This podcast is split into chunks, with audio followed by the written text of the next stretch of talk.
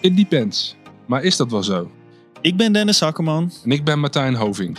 In de SEOcast interviewen we maandelijks een specialist uit de SEO-wereld. Aan de hand van bekende thema's en ontwikkelingen binnen SEO vragen we de specialist om zijn of haar kennis met de wereld te delen. Veel luisterplezier. De gast van vandaag is werkzaam bij een warenhuis met een ongekende naamsbekendheid in Nederland. Ze studeerde er in het verleden af, maakte een tussenstap naar de bureauzijde en werkt inmiddels alweer vier jaar als teamlead SEO. Vandaag geen drie dwaze dagen, maar een podcast boordevol e-commerce SEO en SEO voor grote websites. Welkom Jentel Vermeulen van de Bijenkorf. Dankjewel. Leuk om hier aanwezig te zijn. En nogmaals bedankt voor de uitnodiging. Ja, top dat je er bent. Hey, um, om te starten, kun jij ons misschien eens meenemen in hoe jouw uh, carrièrepad eruit heeft gezien? Ja, zeker weten. We zitten vandaag in Utrecht en daar uh, is voor mij uh, gedeelte van mijn carrièrepad ook begonnen. Ik heb gestudeerd in Utrecht. Ik heb communicatie gedaan aan de universiteit. Daar ben ik in 2010 mee begonnen. Um, vervolgens een master gedaan communicatie, beleid en management en daarbij de richting advieskunde gekozen. Dus ja, mijn carrièrepad begon bij mijn studie uh, uh, communicatie. En tijdens die studie, dat is wel leuk om te benoemen, uh, is eigenlijk mijn interesse voor SEO ontstaan. tijdens mijn studie had ik een bijbaan bij ACSI slash Suncamp. Dat is een campingorganisatie. En zij zijn gevestigd in het dorp waar mijn ouders woonden. En vandaar dat ik daar via via terecht kwam en één dag in de week ja, mijn bijbaan had op de online marketingafdeling. En daar waren verschillende SEO-specialisten werkzaam. En die hebben mij eigenlijk um, ja, kennis laten maken met het vak. En uh, opgeleid, of eigenlijk meer dingen geleerd over SEO. Um, om als bijbaan mee te beginnen.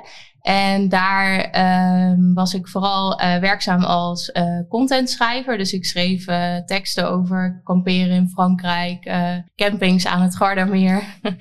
um, dus als tekstschrijver was ik daar werkzaam. En daarnaast verantwoordelijk voor linkbuilding. En linkbuilding deden we daar meer in contact met campings. Dus we schreven campings aan in de vraag of zij een linkje wilden plaatsen. Um, en dat zorgde er uiteindelijk voor dat we vindbaar werden op belangrijke zoektermen die daarbij aangesloten zijn. Dus ja, eigenlijk tijdens uh, die bijbaan heb ik uh, mijn eerste kennis opgedaan over SEO. En dat was dus één dag in de week naast mijn studie. Um, Toen was je een beetje verliefd op het vak. Ja, nou ja, het, was wel, het is wel leuk om te zien als je resultaat ziet. Dus als je ziet dat die kleine werkzaamheden, ja, in mijn ogen toen nog kleine werkzaamheden wel ja. effect hebben. En um, ja, dat was dan een hele specifieke branche in kamperen. Maar daar heb ik wel eigenlijk ja, voor het eerst kennis mee gemaakt. Ja, ja. leuk. En uh, mijn master had dus de link met advieskunde. Uh, aan het einde van mijn master uh, kon je een stage lopen, een afstudeerscriptie combineren met een stage. Um, ik wilde op zoek naar een branche die bij mij paste, universitair als je universitair opgeleid bent, heb je vrij weinig praktijkkennis, als ik eerlijk ben. Um, dat heb ik dus aangevuld door die één dag in de week uh, als bijbaan op online marketingafdeling. Maar ik wilde ja. dat ook aanvullen met de stage. En uh, toen ben ik met die ja, studiebegeleider op zoek gegaan naar een uh, stageadres wat te combineren was met een universitaire master. En dat kon uiteindelijk bij de Bijkorf. Um, dus daar ben ik afgestudeerd. En toen mijn stage erop zat, um, was er niet echt een startersfunctie die paste bij mijn uh, studie of bij mijn werkervaring tot dan toe. Sim simpelweg ook omdat de Bijkorf nog veel kleiner was en ook het online team veel kleiner was op ja. dat moment. Dat was in 2014. Um, ja, nu al een paar keer benoemd, die link met advieskunde. Um, in mijn master zat dus een stukje advieskunde. Vandaar dat ik uh, gestart ben uh, bij een online marketingbureau om dus organisaties advies te geven.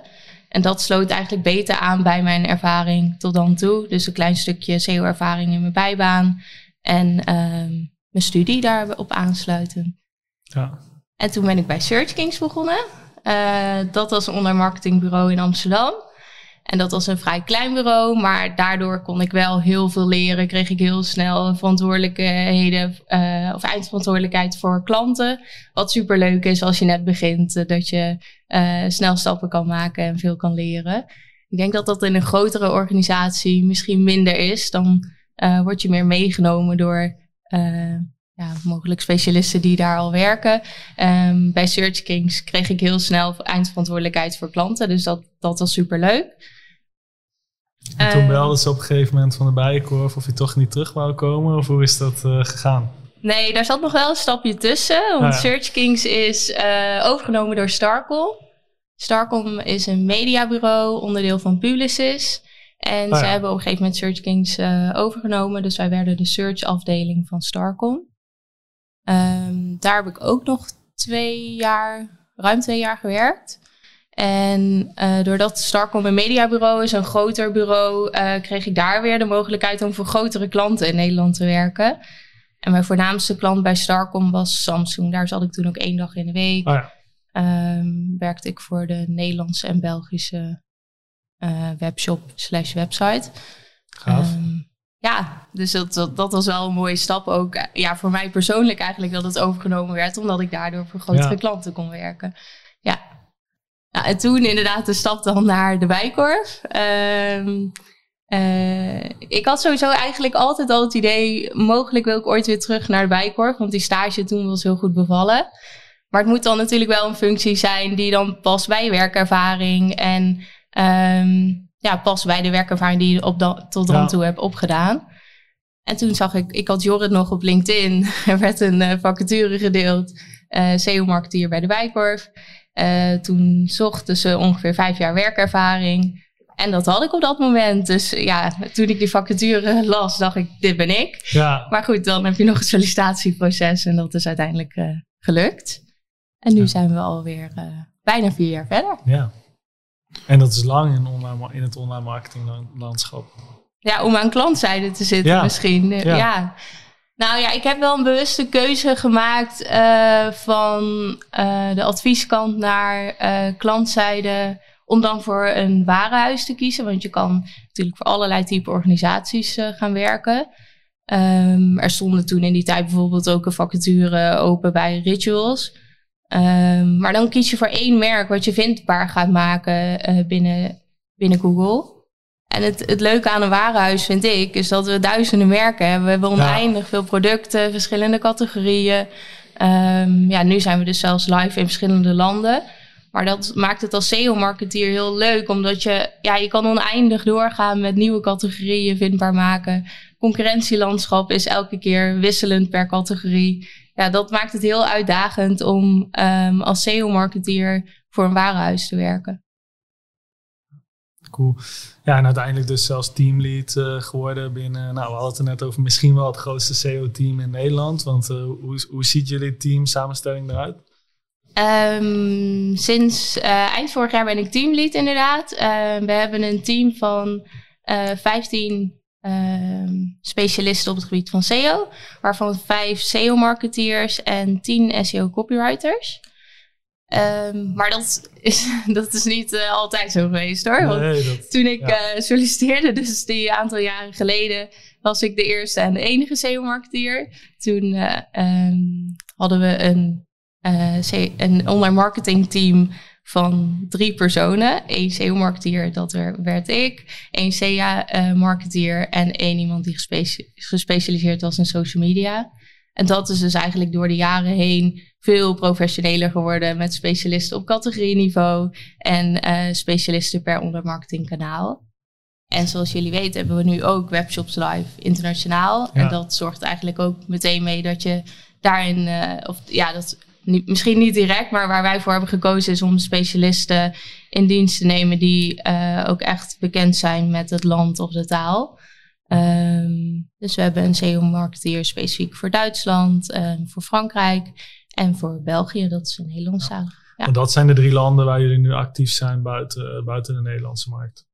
Uh, België, Frankrijk, Duitsland en Oostenrijk. Ah, ja. En met, met jullie eigen merknaam of met de andere merknamen?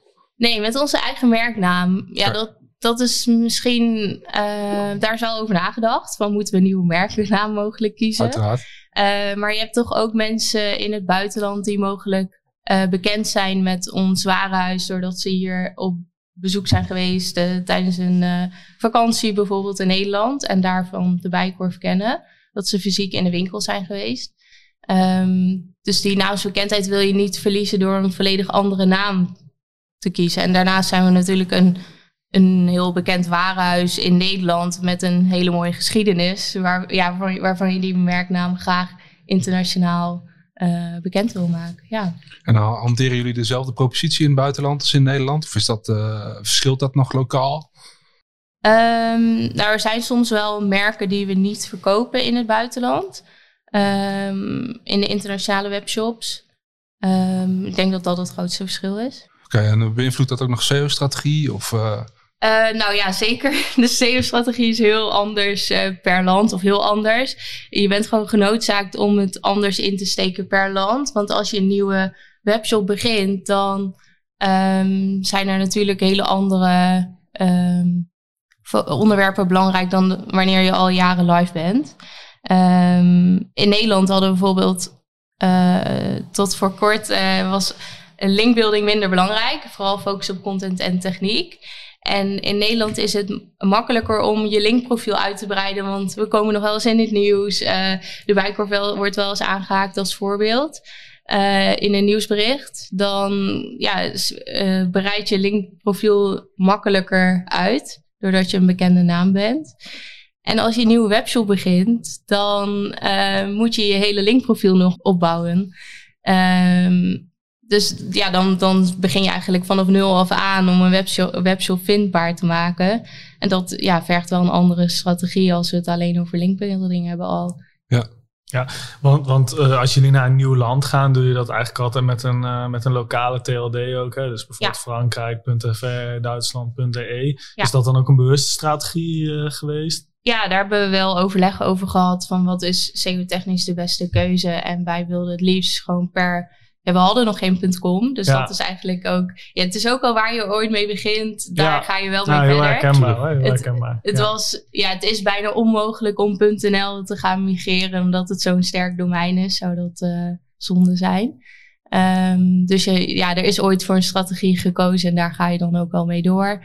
Um, en zelf zie ik ook wel de meerwaarde in van een landspecifiek domein, inclusief taal. En ja, we zien gewoon dat het ook werkt om die webshops vindbaar te maken in verschillende landen, in verschillende talen. Um, dus denk ik dat dit een strategie is waar we gewoon mee doorgaan. Ja. Toch belangrijk, toch? Dat het, ja. uh, dat het werkt lijkt mij de belangrijkste manier om het af te rekenen. Ja. Uiteindelijk, zo'n ja. keuze. Ja, maar daar is wel bewust over nage, nagedacht. Ja. ja. Hey, en, ik ben wel nieuwsgierig, hoe belangrijk is SEO als kanaal voor, uh, voor de Bijenkorf? Ja, we horen steeds altijd toch wel die verhalen die elk jaar weer opzien van ja, SEO is dood, no-click no searches nemen toe, uh, SEO krimpt als kanaal. Ja, ik ben wel benieuwd hoe belangrijk is SEO voor de Bijenkorf? Uh, belangrijk, anders hebben we denk ik ook geen nee. team van 15 personen. Nee. Uh, maar om iets meer in detail te treden, um, totaal van alle online omzet komt 30% uit uh, het SEO-kanaal. Ja. Um, en dat verschilt, dan heb ik dus internationaal meegenomen. Het verschilt ja. een beetje per land of het aandeel groter of kleiner is.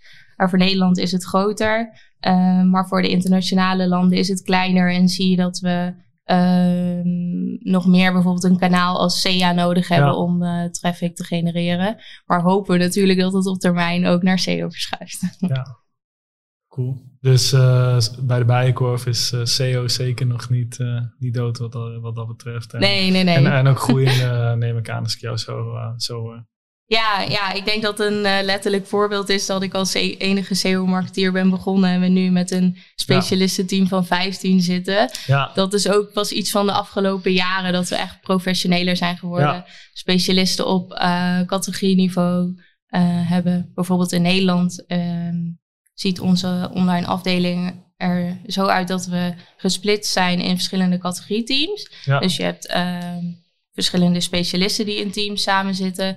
Maar vervolgens hebben we ook uh, categorieteams. Uh, bijvoorbeeld een damesteam, een herenmodeteam, ja. een wonenteam. En daar zijn nu ook dan SEO-marketeers bij aangesloten. Ja. En de SEO-copywriters ondersteunen uh, de SEO-marketeers in de werkzaamheden. Kijk, ja, wat ik me wel afvroeg, ik kan me voorstellen met zoveel producten, zoveel categorieën en dan ook nog eens vijf uh, verschillende shops internationaal, dat het werk eigenlijk nooit, uh, nooit ophoudt. En dan ook nog een team van 15 mensen. Hoe manage je dat in godsnaam? Ja, wel gewoon uh, jaarlijks een strategie bepalen waar gezamenlijk met het team, waar we uh, de grootste kansen zien op het gebied van SEO. Ja. Um, en daarbij krijgen we ook hulp van bureaus, uh, van Cedars, van Roy, uh, Merkel werken we mee samen. Verschillende bureaus die ons ook uh, adviseren ja. in het maken van de juiste keuzes in de strategie. Ja, um, ja leuk. Roy hebben we vorige maand in de podcast, in de podcast gehad. Cool. Maar, uh, want je zegt de grote kansen, hoe kun je die dan, hoe, hoe definieer je dat? Is dan met name bijvoorbeeld kijken naar waar liggen de volumes in de markt? Of is dat veel meer van het aanbod kijken van, uh, oké, dit is ons aanbod dit jaar en aan de hand daarvan gaan we bepalen waar we onze efforts, of misschien wel een combinatie van, uh, van beide? Um, ja, je kijkt naar wat het meest belangrijk is per webshop. Dus voor Nederland kies je net weer een andere strategie dan voor internationaal. Ja. Um, wat speelt er in de markt? Uh, aan ontwikkelingen moeten we daar mogelijk in mee? Zijn er grote issues die er liggen die opgelost moeten worden? Um, eigenlijk delen wij onze strategie nog steeds op de basispilaren van SEO in. Ja. Dus nog steeds gewoon netjes content techniek, linkbuilding, stukje reporting. Ja, dat is hoe ik ben opgeleid. Nou, ik denk maar ook nog steeds gewoon, gewoon effectief. Ja. ja, ik zie gewoon, mijn ervaring is gewoon dat die drie dingen samen zorgen ervoor dat je vindbaar ja. wordt. En um, dan hangt het ervan af of je, wat ik net benoemde, um, uh, wat de autoriteit en de uh, leeftijd van je webshop is, waar je dan specifieke focuspunten op pakt. Maar de basisstrategie is misschien wel het antwoord dat we nog steeds kijken naar content, techniek en linkbuilding. Ja. Gewoon een goede basis, solide basis voor, uh, voor je strategie. Ja. Zou ja. meer merken moeten doen, toch? Dat is wel hoe ik het voor me zie. Ja. Hey, en uh, Ahrefs uh, hebben we ook even kort gecheckt. En je kunt zien dat jullie op één ranken op Balenciaga. En dat ja. jullie daar ook wel vrij groot belang bij hebben. Kun je een beetje vertellen wat dan de aanpak is, hoe je daar komt voor de luisteraar? Ja, wat misschien wel leuk is om te vertellen, is dat het, ehm, ja, het begint eigenlijk al als we uh, een nieuw merk op het oog hebben. Dus, dus een in, onze inkopers uh, vertellen ons via bijvoorbeeld een categorieteam: we gaan een nieuw merk inkopen. Um, ja, soms komt dat dan zelfs vanuit het CEO-team al, omdat wij hebben gezien interesse in een merk stijgt. we moeten hier iets mee gaan doen. Dit wordt populair. Dat is ook wat ik leuk vind aan SEO doen bij de Bijkorf, dat dit soort dingen ook naar voren komen. Um, dat je ook echt met merken en met seizoenen en met trends bezig kan zijn. Uh, maar goed, antwoord op je vraag. Het begint bij je mogelijke nieuw merk. Wat we dan doen is bijvoorbeeld een contentpagina opstellen uh, om een nieuw merk al vindbaar te maken. Um, vaak is de merknaam de belangrijkste zoekterm. Dus voor Balenciaga, mensen zoeken naar Balenciaga Triple S, Balenciaga sneaker, Balenciaga schoenen. Vaak heeft de merknaam wel echt het hoogste zoekvolume. Um, dat is soms anders, maar in het algemeen uh, durf ik dat wel te zeggen. Dus dan beginnen we met een contentpagina die we al, waar we eigenlijk de zichtbaarheid van die merknaam in Google, wat dezelfde URL uiteindelijk wordt waar het aanbod op komt, al uh, willen creëren. Dus dat er al een zoekresultaat ontstaat op de merk, om, op bijvoorbeeld Balenciaga. Um, ja, dan is er een nauwe connectie met in het categorieteam wanneer komt het aanbod online. En dan schrijven we bijvoorbeeld al SEO-teksten van tevoren uh, voor de belangrijkste categorieën, lijnen, producten van zo'n merk. Um, dus dan zorgen we eigenlijk voor dat we qua content klaarstaan. Uh, mogelijk intern al wat verwijzingen. Dan gaat het aanbod live en dan hebben we al een zoekresultaat. En dan gaan we verder bouwen aan die positie uh, verbeteren door bijvoorbeeld linkbuilding. Okay. En om dan weer terug te komen bij techniek. Het begint natuurlijk in de basis bij techniek. Je techniek moet op orde zijn, wil een pagina überhaupt vindbaar worden. En zowel een contentpagina of een uh, lister, productlijst, lister pagina. En uh, wat zorgt er dan voor dat jullie uh, de aanpak werkt? Anders sta je daar ook niet. maar waarom jullie daar staan en anderen bijvoorbeeld niet? Er zijn natuurlijk genoeg retailers die Balenciaga verkopen, denk ik ja, ik ga toch weer terug op content, techniek en linkbuilding. In de ja. basis moet in eerste instantie je techniek, denk ik, op orde zijn. Ja. Dus Google moet, uh, uh, je moet het mogelijk maken voor Google om die pagina te bereiken en uh, te snappen wat het onderwerp is van die pagina. Um, dus daarvoor moet je wel gewoon basisinstellingen in orde hebben dat Ehm, bijvoorbeeld de eerste titel op die pagina moet Balenciaga zijn. In de metadata moet Balenciaga naar voren komen. Google moet snappen wat de afbeeldingen zijn op een um, lister of, of op een pagina. Um, Google moet alle elementen kunnen begrijpen eigenlijk. Dus in eerste instantie techniek, uh, content, SEO-copy wordt geschreven door ons SEO-copywriters. Uh, unieke content uh, hanteren we per land en per pagina ook. Dus wordt echt door ons eigen team SEO-copy toegevoegd. En daarin, ja, dat noem ik nu SEO-copy, maar we proberen ook wel echt gewoon een stukje advies en uh, achtergrond van het merk mee te nemen. Dat het echt relevante informatie is ook voor een klant om te lezen. Dat is wel hoe ik het voor me zie, hoe het, ja. hoe het, uh, hoe het hoort te werken. Ja. Um, en dan nog een stukje linkbuilding. En linkbuilding um, hebben we de afgelopen jaren voornamelijk gedaan in samenwerking met bloggers. Mhm. Wat voor ons relevant is, is om bijvoorbeeld contact te hebben met een fashion blogger die over een Balenciaga schrijft.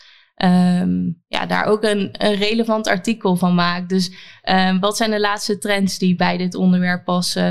Um, zijn er mogelijk nieuwe lanceringen bij zo'n merk, nieuwe sneakers die online komen? Dan is dat hele relevante content voor een fashion blogger om over te schrijven. Die linkt dan naar ons en dat zorgt, ja, dus ook een stukje linkbuilding wat ervoor zorgt dat uiteindelijk je positie verbetert. Ja, heb ik nu antwoord gegeven op je vraag? Ja, ik, ik denk het wel. Uh, want dit ja. legt wel uit wat de aanpak is om, uh, om dan zo'n nummer 1 voor elkaar te krijgen. Ja. En is dat ook iets wat uh, intern bij jullie leeft? Zeg maar, in die strategie hebben we het net even over gehad voor het komende jaar. Zijn er dan ook bepaalde merken die jullie eruit pikken om ook een maximaal marktaandeel te hebben? Of, um, of is het puur omzet, organische groei gedreven? Ja, ook wel antwoord op de vraag van hoe manage je dit geheel. Het is wel ook altijd juiste prioriteiten kiezen. Dus daar zijn we eigenlijk wel altijd mee bezig. Uh, je kan niet op alle merken die we hebben en alle categorieën focus ja. hebben. Dus je kiest steeds waar je de meeste potentie ziet. Um, dus welke merken uh, verwachten we de meeste omzet van? Uh, welke merken stijgen dus in interesse? Daarvoor doen we simpelweg een zoektermanalyse. Welke merken hebben het hoogste zoekvolume? Die krijgen ook focus. Dus je bent eigenlijk als SEO-marketeer binnen de bijkorf altijd focus aan het bepalen. En je kan niet op alles focussen, dus uh, pak je steeds gro groepjes eruit uh, waar je uh, focus op legt. Dus dat is denk ik ook wel een mooie aansluiting bij dat content, techniek en linkbuilding. Ja. Dat we steeds um, ja, binnen onze website, binnen het onderwerp waar we vindbaar in worden, willen worden, prioriteiten kiezen. Ja. Nou, en om het dan nog uh, extra complex te maken, zitten jullie ook nog eens met uh, producten. één die, waar, waar je best wel sterk te maken hebt met seasonality. En daarnaast ook nog met, uh, met nieuwe collecties natuurlijk, die elk jaar weer, weer komen. Hoe ga je daar dan mee om? Ja, dit, dit sluit daar inderdaad mooi bij aan. Um, ja, het prioriteiten bepalen uh, is dus ook het kiezen van uh, of het meedenken in wat is op dit moment qua seasonality het meest relevant om focus te hebben, om het iets concreter te maken. In de zomer is een bikini belangrijk, in de winter ja. is een winterjas belangrijk. En je kan niet pas in de zomer bedenken, hé, hey, we willen opeens staan op het woord bikini. Daar gaan we maanden aan vooraf dat we daar een strategie voor bedenken. Uh, ook in samenwerking met uh, Seeders. Uh, hoe kunnen we ervoor zorgen dat we uh, net die paar posities hoger worden, hoger komen te staan op het juiste moment.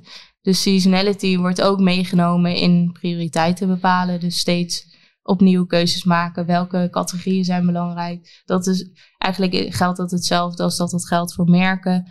Uh, steeds de keuze maken. Wat zijn belangrijke categorieën in welke maand?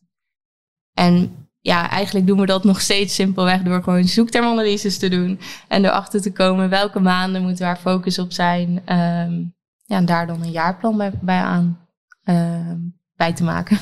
Ja. En wat, wat gebeurt er met merken die, er, uh, uh, die verdwijnen?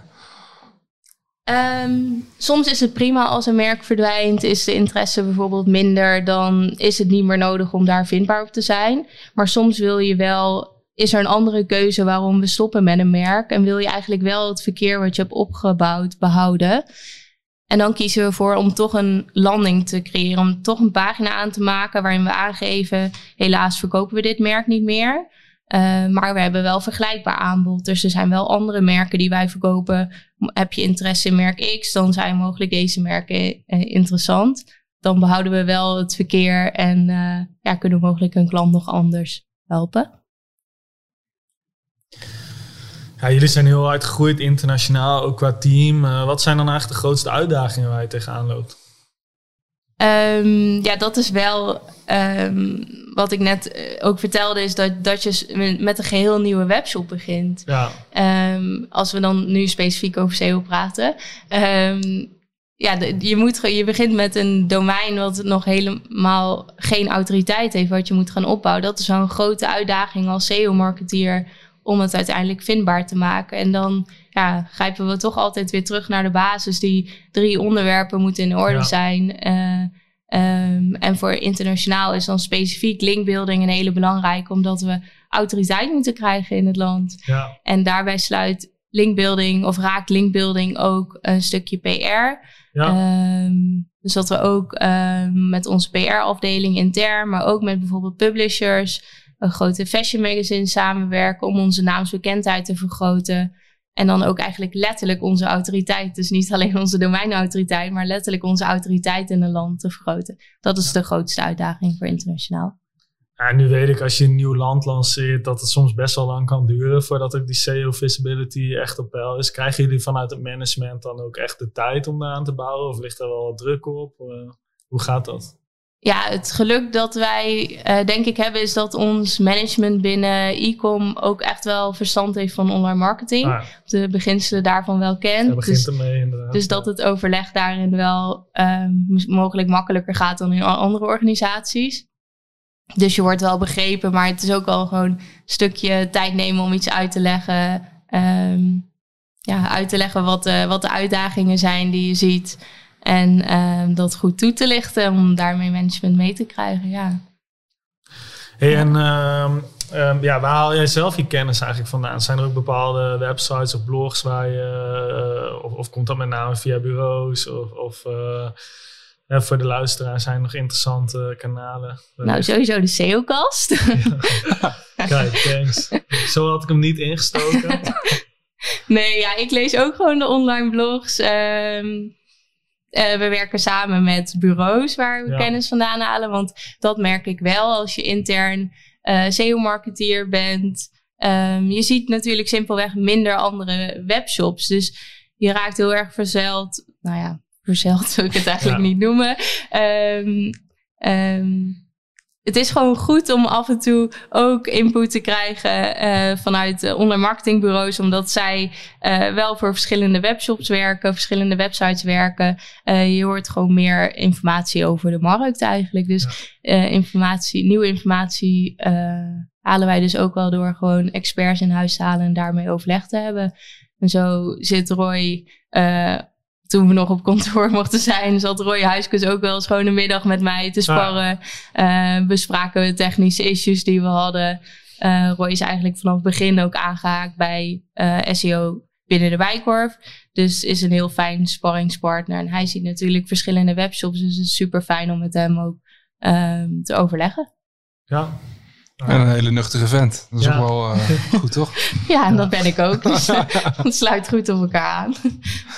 Hey, en uh, als je even kijkt naar, uh, ik denk dat we misschien ook wat uh, jongere luisteraars in ons midden hebben, mensen die net begonnen zijn in de wereld van SEO. waar moet je volgens jou dan beginnen? Kun je dat op de universiteit leren of op de HBO? Of moet je zelf. Echt gewoon met, ja, zoals we het in Noord zeggen, met de poten in de klei, SEO-teksten schrijven en linkjes bouwen en op die manier het je eigen maken. Nou, dat laatste is wel hoe ik het heb geleerd. Ik heb gewoon letterlijk in de praktijk linkbuilding geleerd uh, teksten geschreven. Ook tijdens mijn stage bij de Wijkorf heb ik teksten geschreven voor uh, producten die online moesten. In mijn bijbaan toen als junior SEO-marketeer meegenomen in de praktijk. Dus ik denk inderdaad dat je het in de praktijk gaat leren. Wel zie ik van stagiaires die we nu af en toe hebben dat, het, dat SEO af en toe al in de HBO-studies wel benoemd wordt in ieder geval. Of dat het meegenomen wordt. En soms leren ze dan ook al over Google Analytics. Ik kan me niet voorstellen dat het op universitaire opleiding al uh, is. Maar misschien ben ik er dan gewoon alweer te lang uit en ben ik daar niet van op de hoogte. Um, ja, dus het is altijd goed om al iets op je studie mee te krijgen. Maar ja, mijn advies is wel om tijdens je studie al uh, stage te lopen. Bijvoorbeeld een bijbaan erin te gaan doen. Zodat je Dus je meer de praktijkkennis doet, uh, opdoet. Ehm, ja, dus toch wel wat jullie ook zeggen. In de praktijk ga je het leren. Ja. We vragen ook altijd uh, naar de, de grootste SEO-fuck-up van de mensen die wij aan tafel uh, hebben zitten. Heb jij er ook eentje? Um, even denken. Ja, het is wel leuk om iets recents te pakken. Um, ik moet eerlijk zeggen dat binnen de bijkorf um, heb ik persoonlijk niet iets helemaal uh, verkeerd gedaan. Of is niet iets eerder helemaal in de soep gegaan uh, gelukkig, sinds dat ik er. Ja. Of in de soep gelopen, hoe zeg je dat? Ja. Um, dus, dus daar, nee, daar heb ik niet echt specifiek voorbeeld voor. Ik, ik, wat ik wel heb geleerd is dat het gewoon heel belangrijk is in zo'n grote organisatie om zichtbaar te worden. Um, mensen moeten gewoon weten wat SEO is, wanneer ze je moeten aanhaken bij grote wijzigingen, grote projecten. Nu schiet me wel iets te binnen. Um, wat leuk is om te vertellen. Wat er, wat er wel eens gebeurd is binnen de Bijkorf een paar jaar geleden, is dat ergens in de afdeling was besloten om producten te gaan archiveren.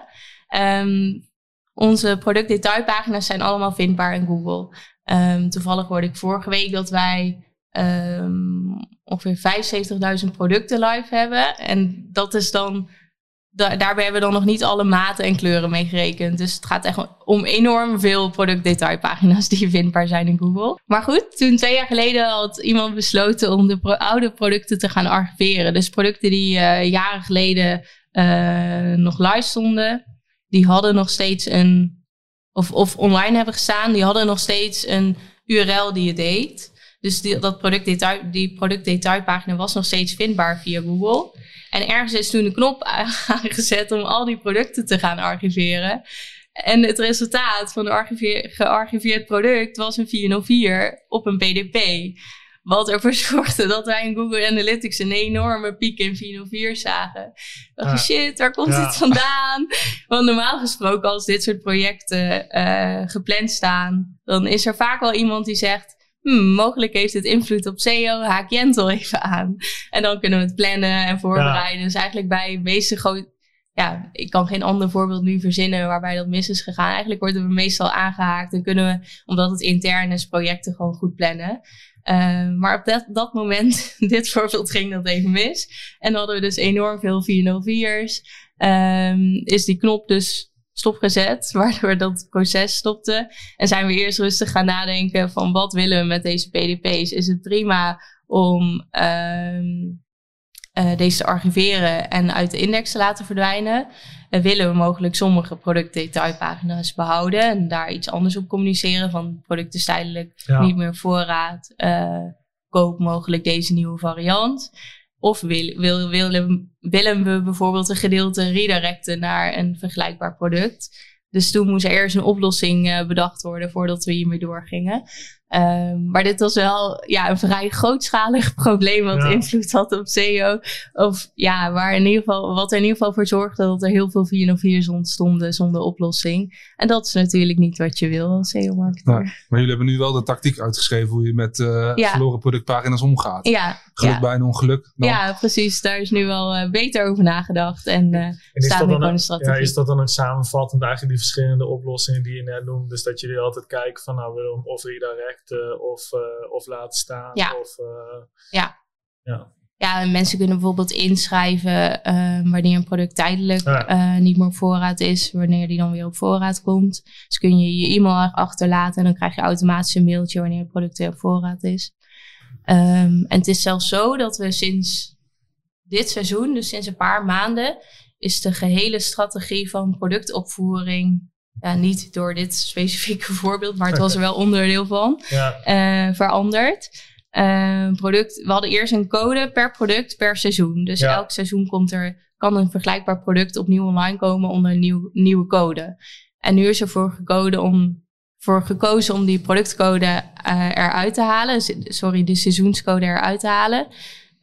daarmee blijft een PDP, een productdetailpagina, gewoon vindbaar in Google. Ook al is het veranderd het seizoen. Hetzelfde URL. Zelfde URL. Ja, Ja. dat is een hele grote oplossing voor, is eh, eh, voor de beste, ons. beste tactiek ever, toch? Ja, maar dat is niet zo gemakkelijk aan te passen als, je het Nee, om zo, als het om zoveel producten gaat. En een grote organisatie waarin die productcode op allerlei verschillende manieren eh, wordt gebruikt. En ja, voor SEO is het nu een heel goed, groot voordeel dat dit is rechtgezet en we nu niet elk seizoen een nieuwe productcode krijgen. Ehm, maar het is best lastig om, om al, als alleen het argument SEO zo'n wijziging door te laten voeren. Ehm, dus ja, gelukkig waren er andere afdelingen ook bij gebaat dat dit ging wijzigen. En ja, dat is misschien nog wel een mooiere oplossing bij Ja. deze eh fuck up, hoe jullie dat noemen. Ja, ja, ja. Eh, dat zelfs de hele strategie van eh, PDP's nu anders is. Ja, Ja. dat is wel Ja. gaaf. Ja. En ehm, eh, er zijn natuurlijk ook eh, nieuwe merken, hebben we het al even over gehad. Eh, bijvoorbeeld een eh, Balenciaga. Eh, maar wat doen jullie eraan om eh, producten heel snel in de index te krijgen? Er zit toch heel veel seizoensmatigheid in. Is dat iets wat, eh, wat heel veel aandacht heeft bij jullie? Of? Ehm, ja, zeker weten. Ehm, we hebben de producten allemaal in aparte XML sitemaps staan. Dus die zijn gegroepeerd en die worden automatisch geüpdate. Dus zo kan Google eigenlijk achterkomen wat onze productdetailpagina's zijn. Ehm, daarnaast hebben we nagedacht over interne verwijzingen naar alle producten. Proberen we op die productdetailpagina zelf duidelijk te maken wat het onderwerp is van die pagina weer. Dus wat is het merk? Wat is de omschrijving? Wat is de omschrijving van het product? Wat is de kleur eh, van het product?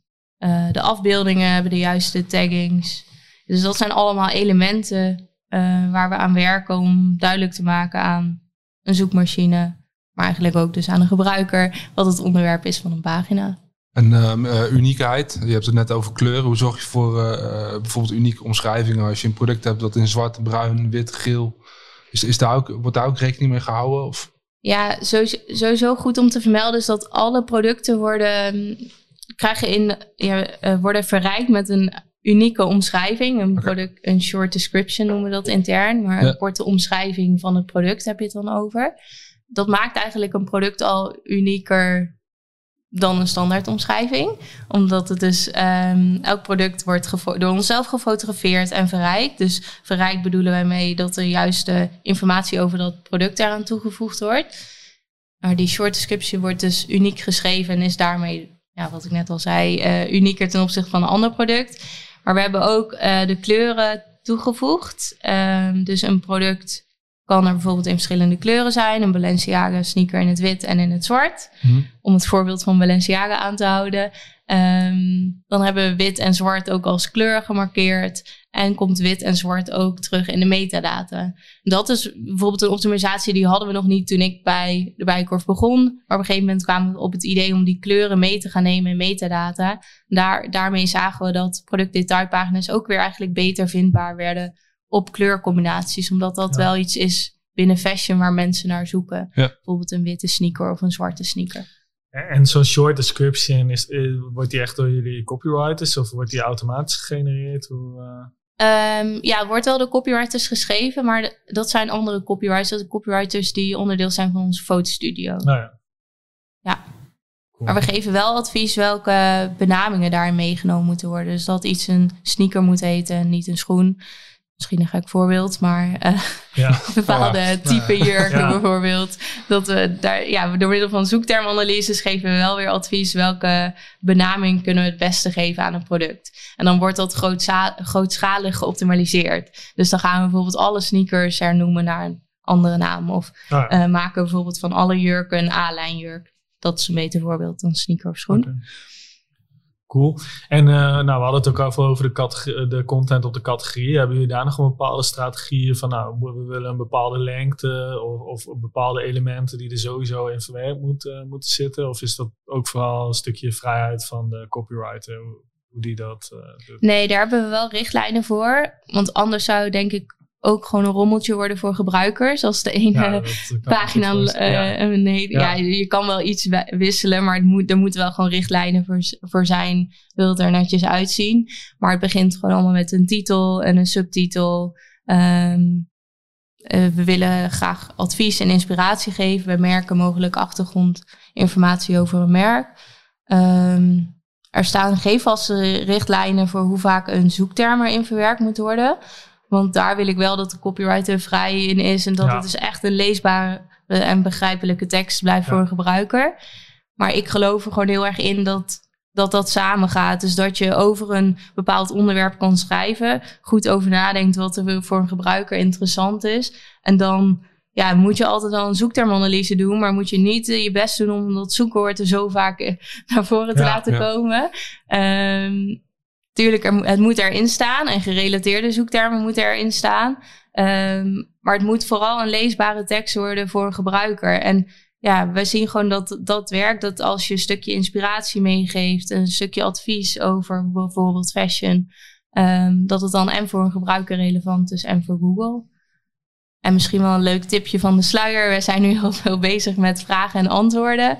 En we zien dat dat ook goed werkt. Dus, ehm eh, Oh, dus echt een stukje data eraan toevoegen en eh, zorgen dat het ook in Google op die manier wordt ingegeven. Ja. Cool. Ja, dus de antwoorden geven op vragen die mensen hebben bij de onderwerpen die we verkopen.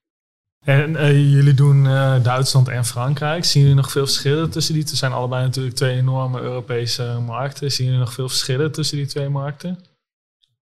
Ja, sowieso de interesse is anders. De concurrentielandschap is anders. Eh linkbuilding is anders. Dus er zijn heel veel verschillen. Ja, het is wel gewoon echt een unieke markt. De interesse bedoel ik dan, eh, interesse in categorieën en merken zijn anders. Eh, of verschillend. Ehm, dus dat verschilt op heel veel vlakken. Ja. En dat zorgt er gewoon voor dat je in je keywordkeuze net een andere, net een andere focus legt. Omdat bepaalde merken gewoon in een, in een bepaald land meer interesse hebben of, of populairder zijn. En hetzelfde geldt voor categorieën. Ja, Dus eh, als Europeanen verschillen we nog wel aardig in wat voor eh, merken we wel of niet eh, interessant ja dat, vinden. daar waren, was ik in ieder geval niet van op de hoogte voordat we live gingen. Nee. Ehm, en waar we ook naartoe werken is uniek aanbod per land. Maar dat is makkelijker gezegd dan gedaan. Dat is gewoon iets waar aan gewerkt wordt. ja. Ehm, maar we proberen in ieder geval onze inkoopafdeling vanuit zoekvolumes zoveel mogelijk te voeden eh, met de interesse die we zien per land. Hey, staat ook bekend om echt premium en eh, luxe eh, producten natuurlijk. En je had het net ook even over afbeeldingen en eigen fotografie. Ik denk dat afbeeldingen dan heel belangrijk zijn, ook in het visuele aspect op de website. Klopt. Ehm, we vullen de. Ja, je kan.